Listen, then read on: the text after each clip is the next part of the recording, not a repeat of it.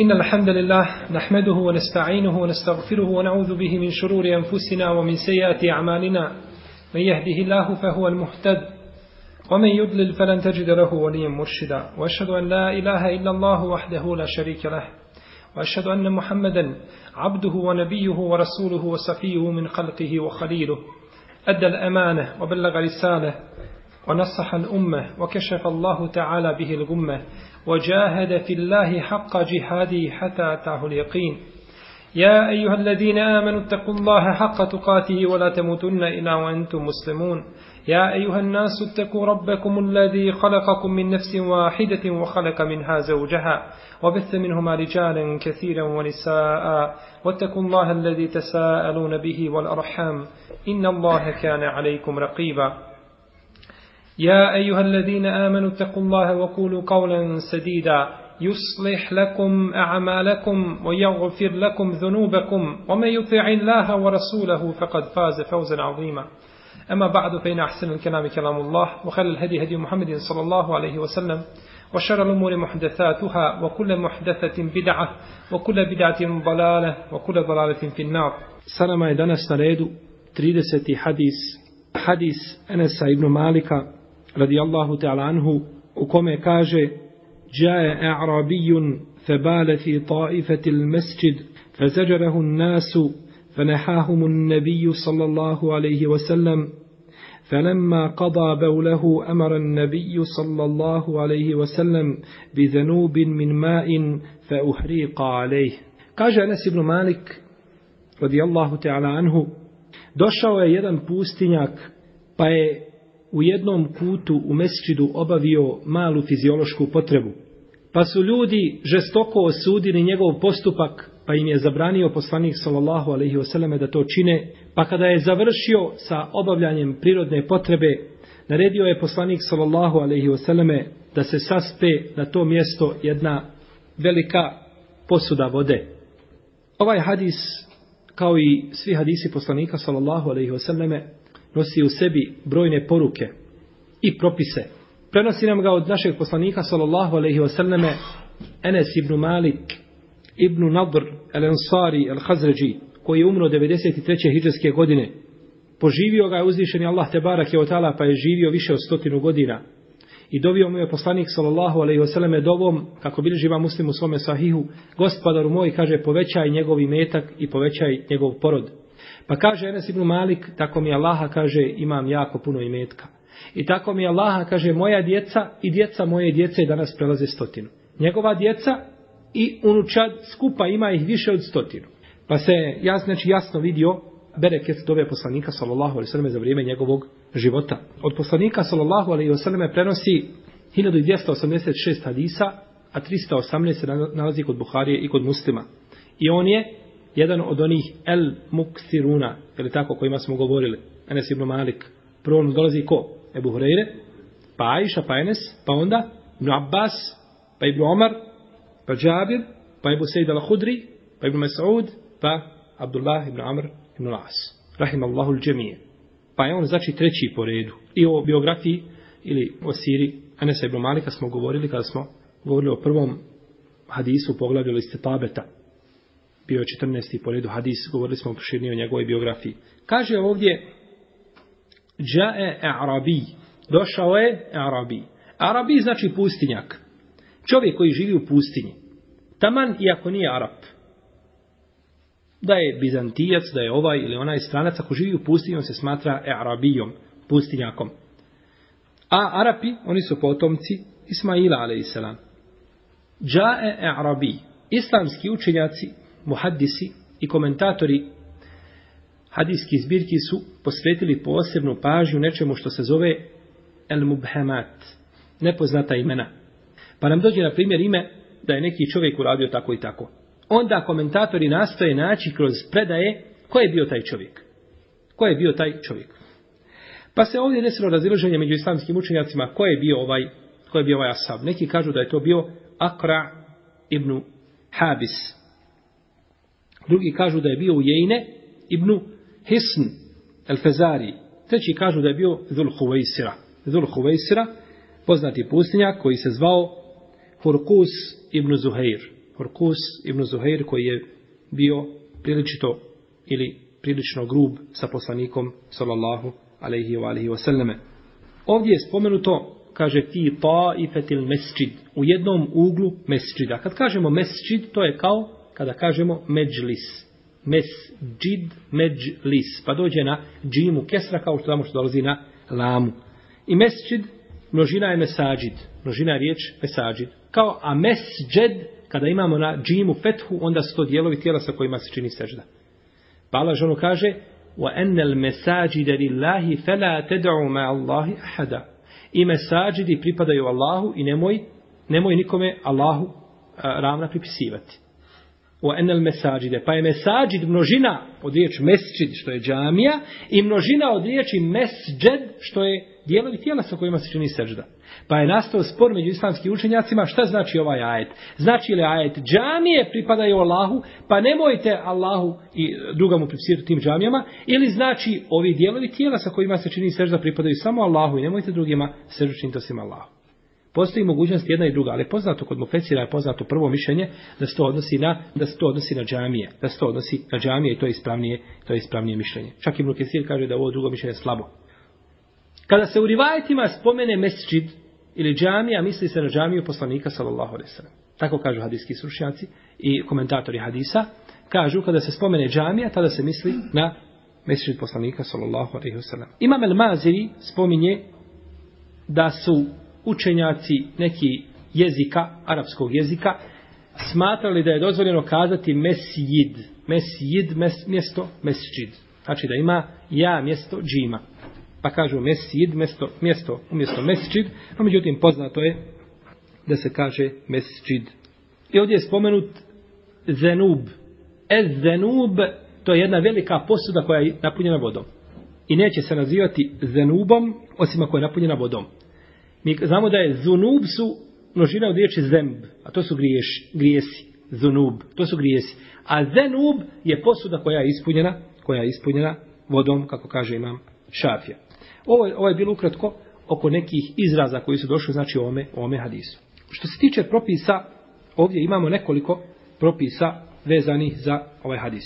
Prvi je propis da je mokraća čovjeka nečista. I tu nema razilaženja među islamskim učenjacima. Svi su složni da je mokraća čovjeka nečista. Osim čije mokraće? Djeteta muškog koje doji. Je li ona nečista ili čista? Nečista. Nečista. Postoji razilaženje, ali je ispravno da je nečista. Ali je jedino šarija tu olakšao šta? Čišćenje. Olakšao je čišćenje, o čemu smo opširnije govorili u hadisu, o hadisu Mukajs bintul Mihsan, ele sedije, kada smo pričali o tom, eh, prije ovoga hadisa, je hadisa Ajše. To su dva hadisa prije ovi, su možda su bili davno, pa smo ih zaboravili. To su dva hadisa o kojima smo govorili, znači o propisu, ali ispravno da je ta mokraća od malog djeteta, muškog, i ona nečista. No međutim, samo je šarijet olakšao njeno čišćenje, pa se ne mora pratiti, već je dovoljno samo šta? Poprskat vodom, jeste. U ome hadisu isto tako dokaz da je obaveza čovjeku da spriječava da se unosi u džamiju sve što je prljavo, a naročito nečisto. Jer ima razlike između prljavo i nečisto. Može biti prljavo da nije nečisto. Pa u džamiju se znači ne trebaju unositi nečistoće i prljavština, već za džamija ipak znači treba da bude da ima znači svoj hurmet i da ima znači svoju i da ima svoju svetost. U jednoj predaji stoji inne hadal mesjide innema huwa li zikrillah was salah wa la yubalu fi. Ova džamija je ova džamija je da bi se u njoj spominjao Allah dželle i da bi se namaz obavljao, a nije napravljena da bi se u njoj vršila fiziološka potreba. Da je tako Allahov poslanik sallallahu alejhi ve znači rekao, da je tako rekao znači ovome pustinjaku. A kod imama Muslima se dodaje li qira'atil Kur'an da je za znači zikr, za učenje Kur'ana, za namaz, a nije za obavljanje fiziološke potrebe. Ovo isto tako ukazuje da indirektno da džamija nije mjesto za dunjalučke priče i dunjalučka razglabanja. Što ne znači da je zabranjeno nešto u džamiji kazati što se tiče dunjaluka.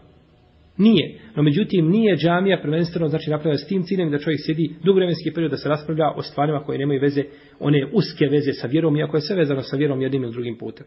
Pa da ona čisto dunjaločka priča znači bude van džamije, to je preče i to je, to je bolje. U ome hadisu je isto tako dokaz da čovjek mora voditi računa kome se obraća. taj čovjek kome se obraćaš, kome želiš nešto kazati ili nasihat učiniti, ko je on? Njegov stepen obrazovanja i razumijevanja, kakav je? Da budeš prema njemu blag i nježan. Pa pogledajte kako je ovaj, kako je ovaj pustinjak, a, kako je ucicala blagost poslanika sallallahu alejhi na njega. Kako je ucicala ta blagost na ovoga čovjeka. Isto tako u hadisu je dokaz da je dozvoljeno čovjeku da osudi neko zlo koje vidi, iako u društvu ima neko koje je učeniji. Znači čovjek se nalazi u društvu i u tom društvu ima neko koje je učeniji od njega. I neko učine nekako zlo. Njemu je dozvoljeno da prije toga učenog osudi to zlo. Jer su ashabi osudili zlo u prisustvu koga? Poslanika sallallahu alaihi sallam. Osudili su to zlo, Allahu poslanik sallallahu alaihi sallam, je bio tu prisutan. Oni su mogli kazati ne, ne, ne, mi šutimo dok Allahu poslanik sallallahu alaihi sallam, ne progovori. No međutim znali su, oni znali da je to zlo i osudili su ga. No međutim Allahu poslanik sallallahu alaihi sallam, im je zabranio iz razloga, saznaćemo ga kasnije iz koga razloga. Isto tako, u ome hadisu je, vi ćete vraćati koliko imamo propisa i poruka iz ovoga hadisa koji je po svojoj spoljašnosti običan događaj koji se desio sitnica. A koliko možemo pouka i propisa izvući iz ovoga hadisa. U njemu isto tako dokaz da je čovjeku obaveza da radi po općem argumentu dok ne dođe poseban argument. Ko će mu protumačiti? Čovjeku je obaveza da radi po općem argumentu dok ne dođe poseban argument. Kako to zaključujemo iz ovoga hadisa? Hadis pustinjak, kada je ušao je obavio prirodnu potrebu džami, pa ljudi osudili, pa Allahu poslanik im zabranio. Tako je džemo. Tako je džemo. Allah te nagradio. Doš, oni su znali da je obaviti prirodnu potrebu u džamiji zlo, je li tako? Da je to zabranjeno. I ra, to je opći argument da je zabranjeno. Ali ima jedan poseban argument koji u određenim slučajima to dozvoljava. A ovo je bio taj slučaj gdje je dozvoljeno bilo. Pa oni nisu znali poseban argument, znali su šta? Opći da je zabranjeno. I osudili su. E onda dolazi poseban argument koji sankcioniše njihovu osudu.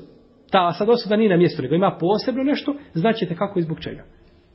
Pa je znači obaveza čovjek da radi po općem argumentu dok ne dvije poseban. Opći argument. Koji? Hurrimet alaikum un mejtetu, od demu, ولحم الخنزير وما أهل لغير الله به والمنخنقة والموكوذة والمتردية والنطيحة وما أكل السبع إذا كراي آيات brani vam se krv i strv i svinsko meso i ono što je zaklano u ime drugog mimo Allaha Đelešanu on munhanikatu wal mawkuzatu wal mutaradiyatu životinja koja se udavi i životinja koja padne od nekoj se sruši i životinja koja se ubije tvrdim predmetom i životinja koja druga nabode na rog. To vam se brani. Dobro, ovdje je spomenuto hurrimete alejkumul mejte. Zabranjeno se šta? Strvina. El mejte obuhvata sve. Znači, kad dođemo do ribe, kažemo, ne može riba mrtva. Jer je Allah ono šta rekao, el mejte. I to je opći argument koji obuhvata šta? Sve što je mrtvo. Pa znači, mrtva riba je haram po ome ajetu, je li tako? Je li tako ili nije tako? Jeste tako, haram je po ajetu. No međutim, ajet je šta? Opći argument. Mi imamo poseban argument koji nama ukazuje da se to ne odnosi na svu, znači strvinu. Da imaju neke vrste ili neka vrsta, jedna ili dvije ili više, koja se izdvajaju iz, te, znači, iz tog propisa. Pa se izdvaja iz tog propisa ono što je iz mora, mrtvo.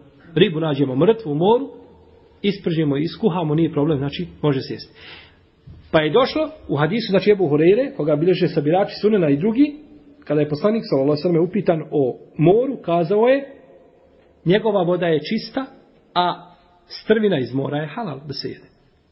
Pa je ovo poseban argument. Pa znači, čovjek radi po općem argumentu dok ne dođe poseban. I kad neko kazao mu, Allah je zabranio šta? Strvinu. On ne smije dotaći ribe, mrtve, dok mu ne dođe poseban argument koji mu to dozvoljava. Jer je osnova da je to zabranjeno.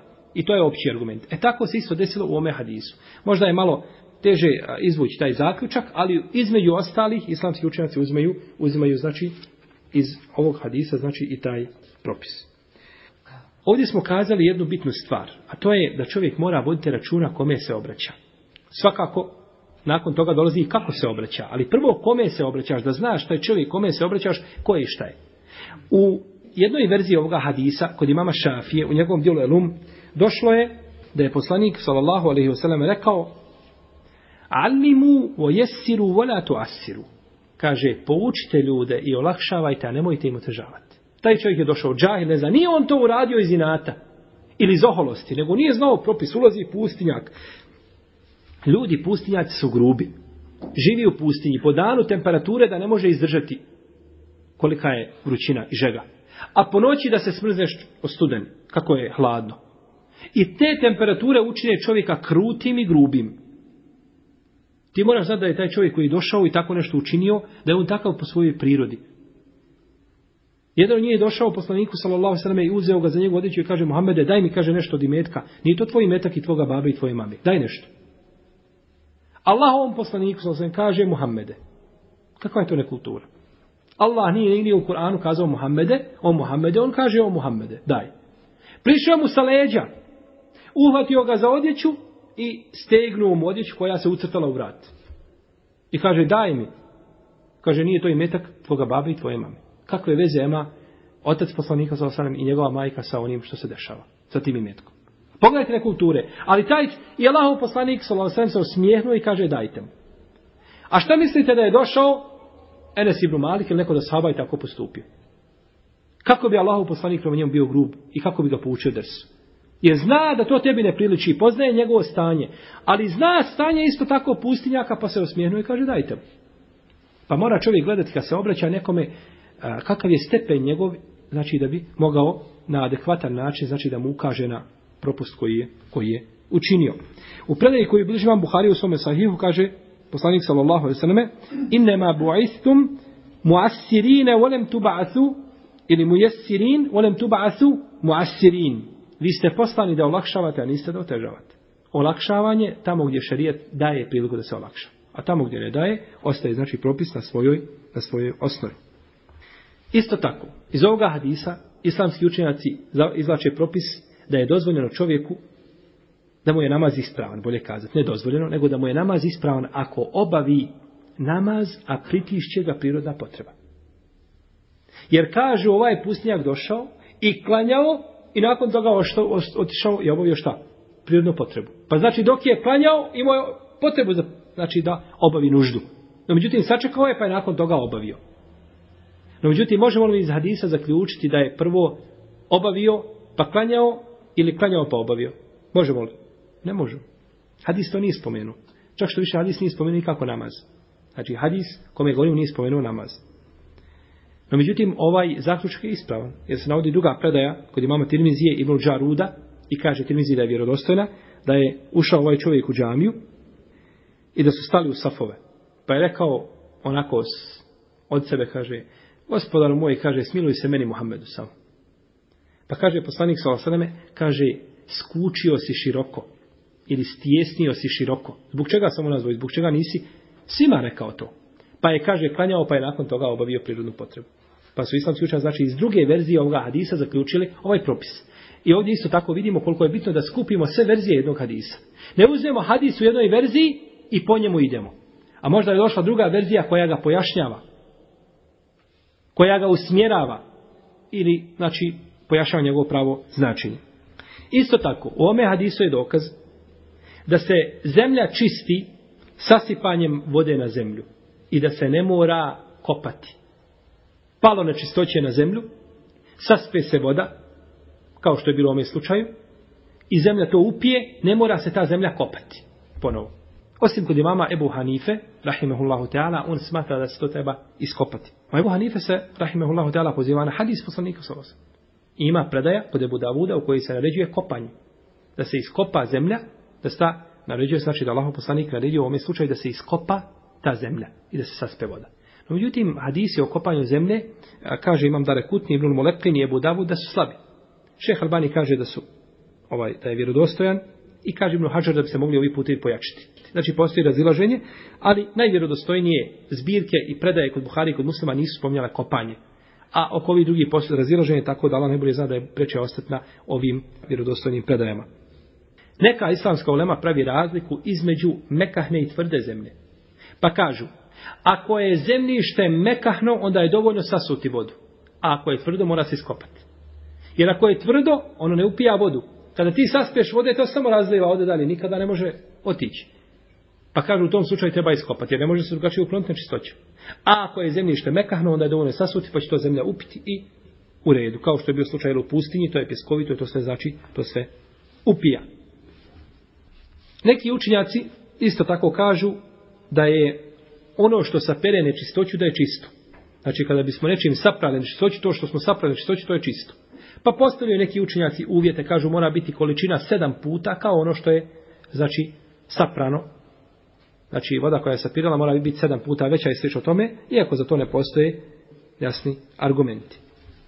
U ome hadisu isto tako dokaz da nečistoća ako se osuši neće postati šta? Čista. Imamo na jednom mjestu nečistoće, ona se osušila. Ima Bebu Hanife smatra da je to čisto.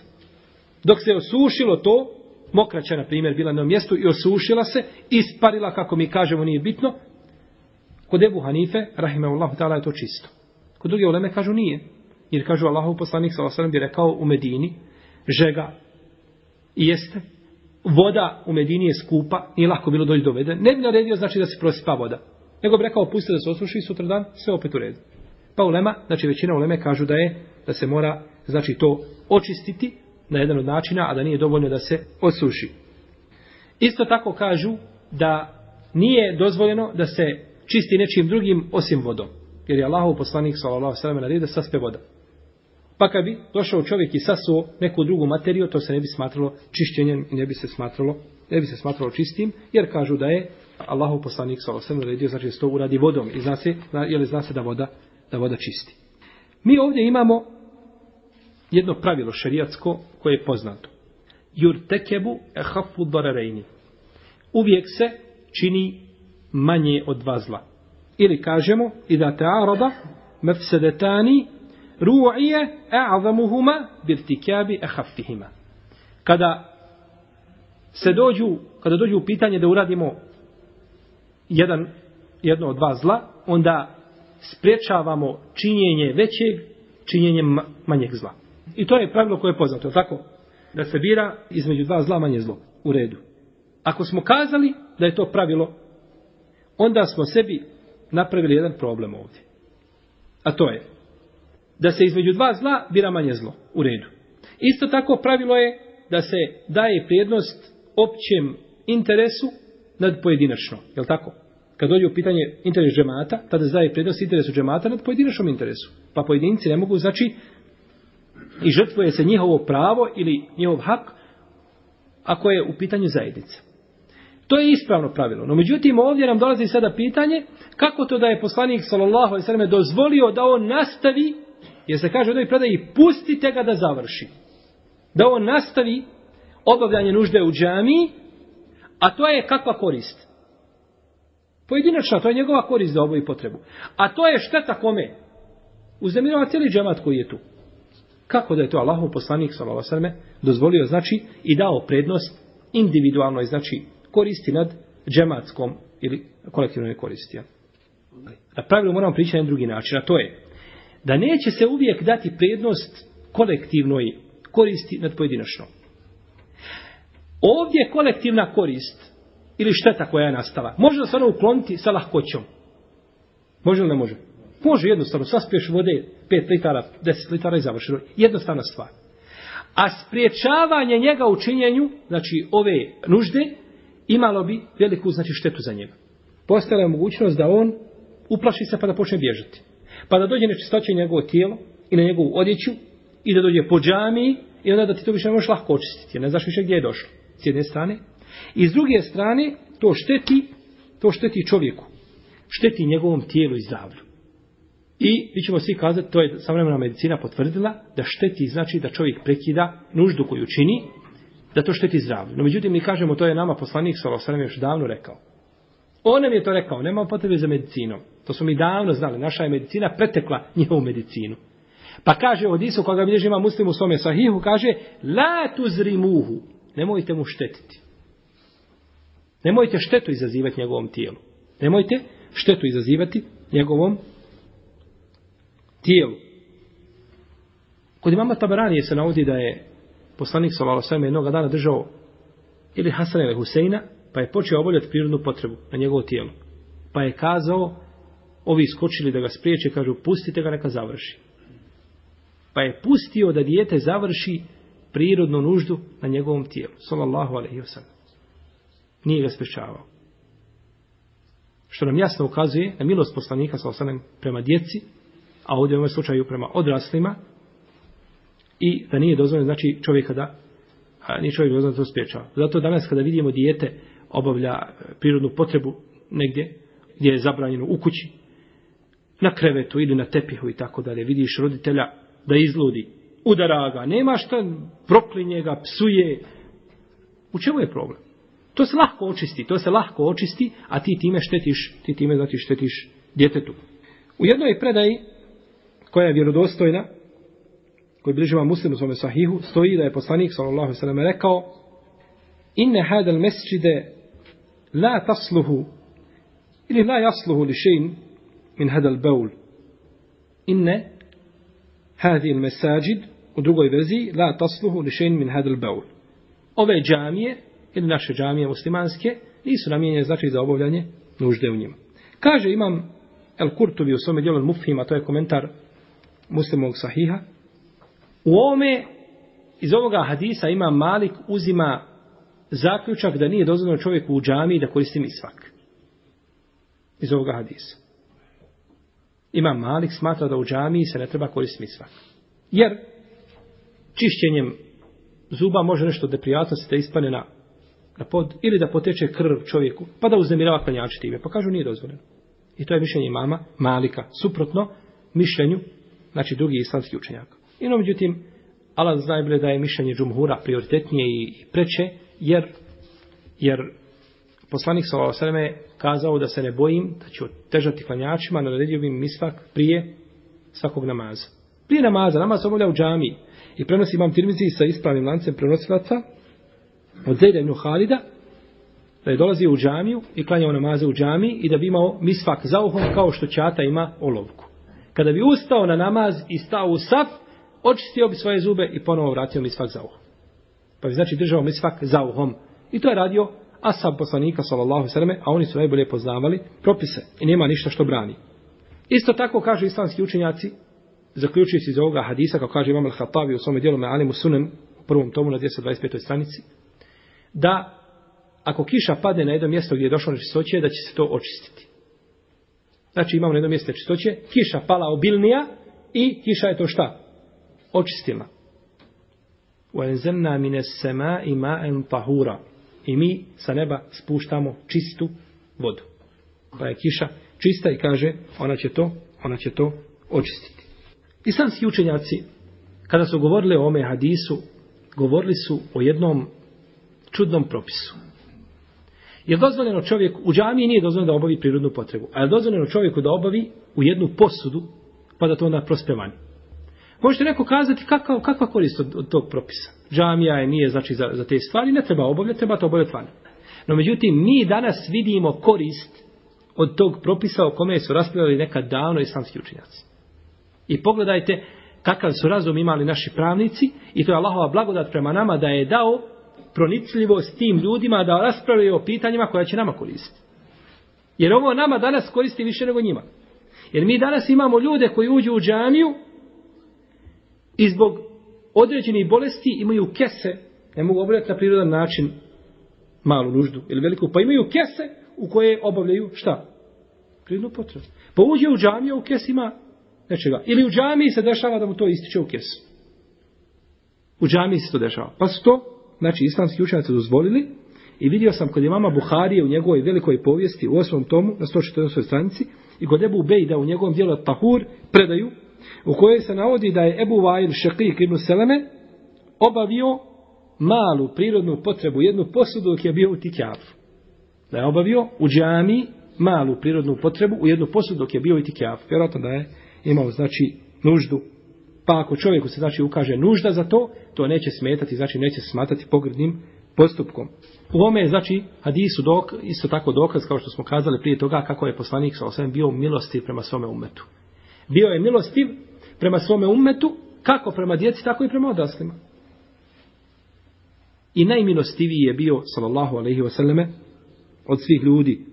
Kod imama uh, Ahmeda imao njegovom usledu predaja koja je vjerodostojna od od Muavije i Bebi Sufjana, al Umavija, radijallahu ta'ala anhu, da je kazao, vidio sam poslanika sallallahu alejhi ve selleme kako sisa jezik ili usne Hasanove. Toliko je volio Hasana. I kaže, neće džehennemska vatra pržiti jezik ili usne koje je sisao poslanik sallallahu alaihi ve alaihi wasallam. Ovo bi bilo ono najosnovnije vezano za ovaj hadis koji je kratak po svome tekstu, ali nosi znači brojne propise i poruke kako etike jedeba, tako znači propise koji se vezu znači za fik. Molim Allah te barek i da nas pouči našoj vjeri, sunnetu poslanika sallallahu alaihi wasallam i da popravi naše stanje i stanje naših porodica. Allahu te ala anem, sallallahu ala nebina Muhammed, wa ala alihi ushabi sahabi. Ovo je znači bilo predanje vezano za hadis pustinjaka, a naredni put kada nas ukaže prilika govorit ćemo o hadisu Ebi Hureyre, el fitratu hamsun, pet stvari su od fitre. Pa ćemo govoriti znači o stvarima koje su vezane za fitru. Šalahu teala. Ako ima neko pitanja vezanih za predavanje za ovaj hadis ili mimo toga bujrum klanja na zemlji, kada vidi, znači dođe na parking, negdje parkiralište, vidi da je asfalt ili trava, nema ništa, on ne vidi ništa, tu ima dozvoljeno da klanja. Zemlja je čista, no međutim i biva osnova je da je čista. A ako hoće čovjek da kaže da je nečisto, mora bi imati argument da je nečisto. Da vidi nešto što ukazuje da je nečisto. Ili ovaj da mu neko potvrdi, znači da je tu bila nečistoća i tako dalje, da nije padalo među vremenu kiša, da nije saprala i slično tome, a sama šubaha po sebi nije u redu. Ne, ovdje se radi, jak, znači ti ako vidiš nečistoću, neko ti kaže da ima nečistoće tu, ili ti je vidiš, očima znaš da je to nečistoća, onda ne vrijedi da tu klanjaš.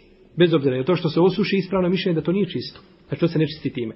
Nego znači ti ne smiješ klanjati tu, ako je suho, dok se ne očisti, dok se ne ukloni. Ali ako dođeš, govorimo o propisi, dođeš i gledaš i kaže ti neko, I, ili sam čovjek počne, ja bih klanjao ovdje, ali možda je ovdje, možda su odah hodali psi, možda je bilo čistoće i tako dalje. Možda ovdje neko obavio prirodnu potrebu, možda se osušlo pa ja ne vidim. To se ne vrijedi. Znači, to su sve sumnje. A osnova je da je šta? Da je čisto. Pa ta sumnja znači ne utječe na tu osnovu. Jes. Ako si već počeo klanjati u namazu, već primijetio se da ima... Pomiriš se. Lijevo ili desno. Pomiriš se. Nemoj ostati tome mjestu, samo se pomiriš. Znači, u namazu primijetiš, pomiriš se, ne moraš, ne moraš ovaj opće a, prekidati namaz, niti je ono pokvareno što si imao do sada. Kao čovjek klanja i vidi na odjeći, na primjer, krvi. Ili vidi nečistoće, došlo nečistoće od djeteta, na primjer, na odjeću, i on u namazu sjetio se da je prije dva, tri dana od djeteta došlo nečistoće na njegov kaput. Samo ga skine u namazu i nastoji dalje na svoj namaz. I zato je dokaz hadis koga bilježi Ebu Davud u svome suninu sa ispravnim lance prenoslaca da je poslanik Salala Srem jednog dana klanjao i izuo svoje papuče. Od isu, iskočio iz papuča. I to svi ashabi uradili. Pa šta je? Nakon namaza kaže Zbog čega ste tako postupili? Oni nisu čekali da se završi namaz pa da kažu Allahu poslaniče, jesmo li mi trebali ili nismo trebali? Pa da raspravljaju. Vidjeli su i to je za njih bilo dovoljno. Ne treba više ništa od toga. Danas čovjek kažeš, nemoj nešto raditi, nemoj pušti. Kaže, a je to haram ili mekru? Nema je haram ili mekru. Ashabi i tabini nisu nikad razlikovali između harama i mekruha. Bio haram ili mekru. Šta treba uraditi s tim? Treba ostaviti, šteti tvome zdravlju, šteti tome džepu, šteti porodici tvojoj, šteti, a nikakve korist toga nemaš. Pa nisu znači raspravljali oko toga da li je nešto haram ili mekru, da li je nešto sunet ili vađib. Ako je sunet ili vađib, čini se. A ako je haram ili mekru, ne čini se i završeno. Jeste. Tako da je znači ova predaje dokaz da su oni skočili pa kažu na kraju, kaže poslanik sa na kraju namaza, zbog čega ste tako postupili? Kaže Allahu poslaniče, vidjeli smo tebe da si tako uradio, pa i mi uradili. Pa kaže, meni je došao Džibril i obavijestio me da na mojim papučama ima čega? Nečistoće. Pa sam izo. I nastavio dalje namaz. Znači, nepobitan argument znači da to ne kvari. Međutim, I kad bi čovjek završio namaz i vidio da ima nečistoće na tijelu ili na odjeći ili na mjestu gdje je klanjao, a završio namaz, ne mora ponoviti namaza, njegov namaz je ispravljen.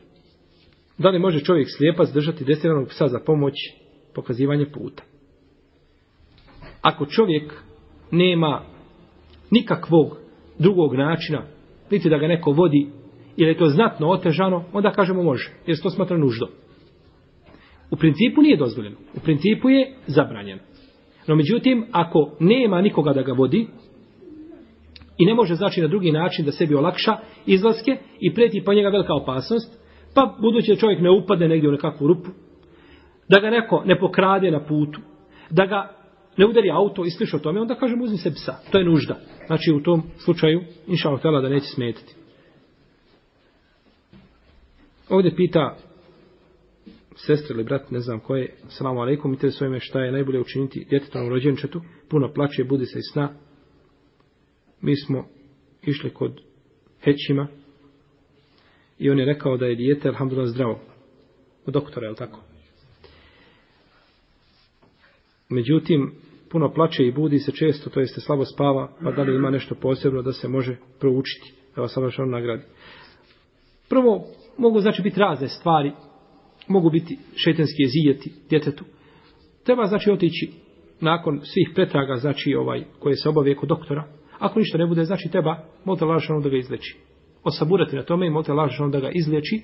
Proučiti mu dove, znači prije spavanja, koje se uče. I da mu se uči nešto od Kur'ana i od ruke. Ne znam da ima nešto od Selefa što ukazuje na to, no međutim nema zabrane.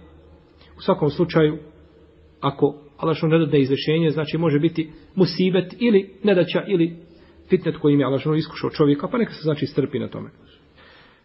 Assalamu alaikum, da li mogu kao vozač kamiona prevoziti svinsko meso i da li je dozvoljeno jesti meso od, ši, od šija? Da li mogu kao vozač kamiona prevoziti svinsko meso? Ne možeš. To je zabranjeno, to je haram. Ne smije prevoziti čovjek ništa od onoga što je zabranjeno šerijatom. Znači da prevozi da prevozi znači svinsko meso ili alkohol ili nešto što je zabranjeno meso koje nije zaklano ime Allaha Đelšanu, to je sve strvina i to je zabranjeno, to je haram i ne smije to čovjek raditi, to je zabranjeno. Neka nastoji sebi naći, znači, da prevozi nešto što je dozvoljeno širijatski. A da li je dozvoljeno jesti meso šija, gleda se. Jer sve šije nisu na istom stepenu. Ne idu svi, znači, u jedan tabut i nisu. Ne kažemo mi za šije da su kjafiri tek tako. Nego, kada neko nas upita o šijama, kažemo da su šije muslimani. Osnova je da su šije muslimani.